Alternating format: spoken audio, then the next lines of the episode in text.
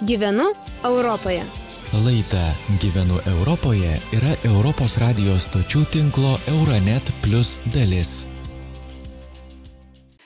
Sveiki žinių radio klausytojai, Jonės Ligaitė su jumis. Pasirodžius žinioms, kad Latvija atstovaujant Europos parlamento narė Tatjana Ždanoka bendradarbiauja su rusų specialiosiomis tarnybomis, parlamentas pradės ieškoti būdų, kaipgi kovoti su Rusijos įtaka. Europarlamentarė elektroniniais laiškais nuolat susirašinėjo su rusų pareigūnais, teikė ataskaitas apie savo veiklą ir galimai gavo finansavimą prorusiškiams renginiams. Europoje vis dažniau girdimi radikalūs balsai, dalis jų laikosi prorusiškų naratyvų, na, o ekspertai prognozuoja, kad radikalų po rinkimų Europos parlamente tik daugės. Tai ar įmanoma Europos parlamentui apsisaugoti nuo Rusijos įtakos, ar įmanoma europinę demokratiją suderinti su kova prieš Kremliaus įtaką? Apie tai ir pasikalbėsime. Sveikinuosi su europarlamentaru Petru Užtrevičiumi. Sveiki. Gerą dieną visiems. Tai kas po Ždanokos istorijos dabar vyksta parlamente? Na, kaip priimta ta istorija? Na, žinote, atvirai tariant, paviešinta vieša paslaptis, kadangi Tatjana Ždanoka jau 20 metų beje, jinai, tai jos yra ketvirtoji kadencija, jinai ištisai, be, be jokio sustojimo sistematiškai skelbė Kremliaus, aš sakyčiau, naratyvą, žinias, savai paaiškino įvykius, visada oponuodavo, tarkime, rytų Europos valstybių glaudesniam įtraukimui į Europos Sąjungą, įvairiems bendradarbiavimo projektams, visuomet buvo prieš Rusijos kritiką, nesvarbu, ar tai buvo prieš 2014 metus, ar po 22 metų jau įvykių ir panašiai. Kitaip tariant, jinai yra Rusijos įtakos agentė ir savo užduotį atlieka beje pilnai. Nežinau, jinai gaudavo finansavimą ar negaudavo, bet jinai iš tikrųjų buvo Kremliaus ruporas, vienas iš Kremliaus, sakykime taip, ruporų Europos parlamente. Dabar,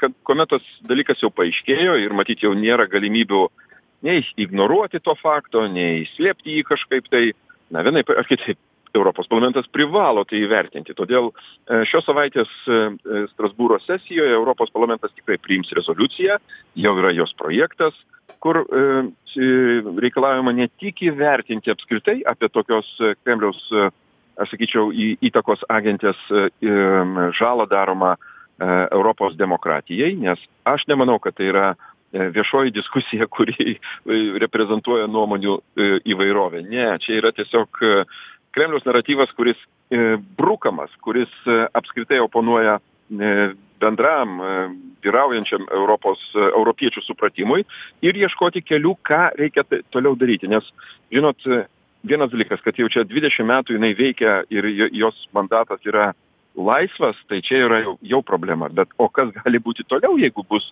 e, tokie, e, sakyčiau, e, parlamentarai vadinami išrinkti, skelbs e, trečiųjų valstybių priešiškas žinias Europos e, sąjungos politikai ir panašiai. Todėl aš tikiuosi ne tik geros diskusijos, bet ir konkrečių sprendimų o kokie tie sprendimai galėtų būt? Nes čia labai sudėtinga. Žinot na vėlgi jūs sakot kad čia nėra ta europinė demokratija ir ir kažkokios tai nuomonių įvairovės bet na reikia vis tiek kažkaip atskirt kur yra pozicija o kur jau yra kažkoks finansavimas. Ir tai turbūt labai sudėtinga padaryt. Žinoma kad sudėtinga.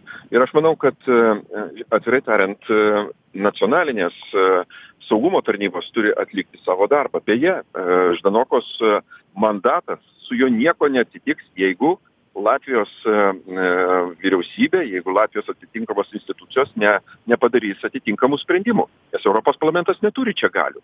Tai aš manau kad kai kurie dalykai be jokios abejonės turi vykti nacionalinėse valstybėse turi būti viešinami tokie faktai turi būti atskleidžiami aš sakyčiau tokie bendradarbiavimo su užsienio specialiosiomis tarnybomis žvalgybos ar kokios kitos duomenys ir tada jau matyt turėtų būti mūsų atitinkami veiksmai. Tokie žmonės ne neturi atstovauti europiečių europos parlamente. Yra man mano išvada. Bet antras dalykas ką daryti su besi besitęsiančiu ir niekaip nemažėjančiu rusijos valdžios naratyvu kuris skelbiamas visose daug daugumoje aš pasakyčiau europos sąjungos valstybių. Štai šiandien paaiškėjo faktas kad net devyniolikoje europos sąjungos valstybių vienaip ar kitaip gali prisijungti prie russia today ar sputnik kanalų. Tai ką tai reiškia kad ne atrodo tiek mes jau padarėme išvadų vat štai buvo ir specialusis komitetas dėl propagandos dezinformacijos.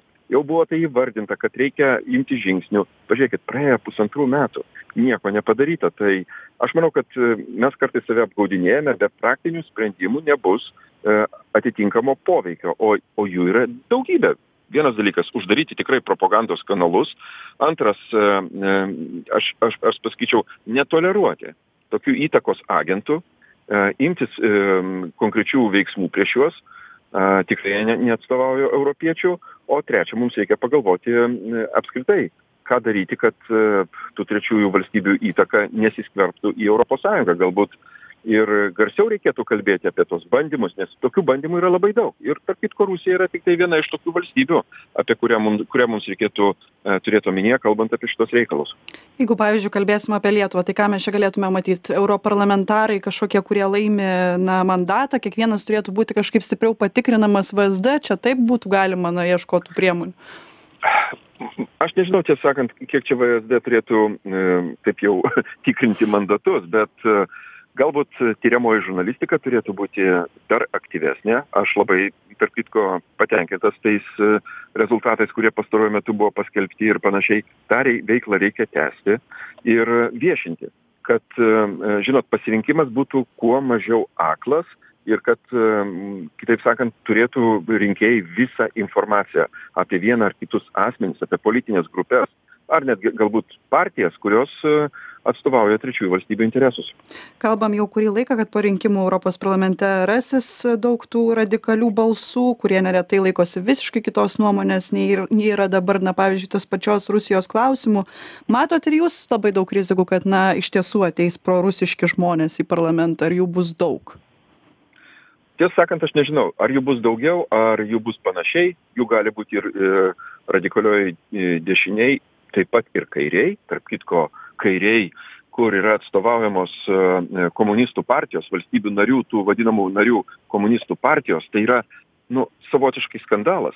Pasakyti e, eiliniam lietuvos e, rinkėjui kad tos komunistų partijos po šiai dienai po šiai dienai taip atstovaujamos ir legalizuojamos europos parlamente yra yra jau savotiškas skandalas. Tai mes mes dar to darbo nepadarėme europoj kur padarėme lietuvoj kad prilyginome E, rudojo arba raudonojo e, abu režimus ir paaiškinom tai žmonėm. Bet deja e, šis ši veikla ją dar reikia atlikti ir europos mastu. Reikia tęsti tą diskusiją. Be jos matyt mes nematysime tų giluminių pokyčių arba na sakykime tokio saugesnio saugesnio politi politinio landšafto europiečiai išrenka šiuos žmones tai reiškia kad na turbūt ir galvose reikia dar daug ką pakeist ir žinot čia yra sunkiausia nes neįlįsi į kiekvieno galvą e, tos dogmos yra slepiasi labai giliai įvairiais kultūriniais istoriniais e, klodais jos yra uždengiamos e, kai kada tiesiog yra tam tikros tradicijos politinės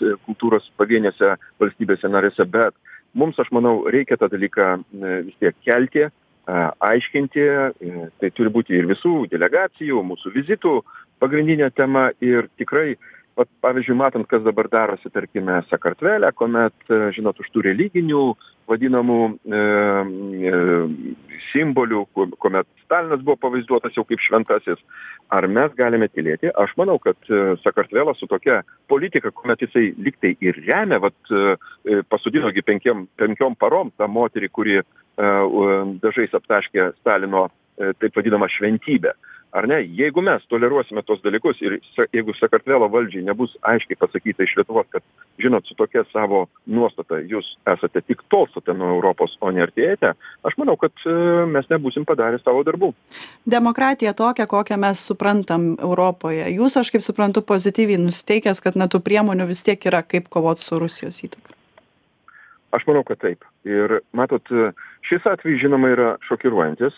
Jis tarp kitko turi labai įdomių atspalvių kitų valstybių atžvilgiu taip pat. Štai staiga ispanai labai sukruto labai aktyvizavosi visa ispanų e, e, sakyčiau delegacija kiek jų yra visose politinėse grupėse pamatė kokia vis dėlto buvo e, rusijos įtaka per tuos įta per agentus per tuos vizitus katalonijoje kuomet tas politinis separatizmas buvo tiesiog skatinamas ir finansuojamas iš iš Rusijos. Tai jiems dar kartą tai priminė, kad, žinot, tai nėra vien tik tai diskusijos.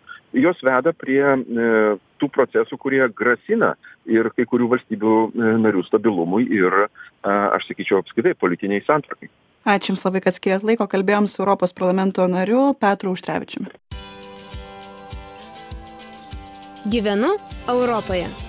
Laida Gyvenu Europoje yra Europos radijos stočių tinklo Euronet Plus dalis.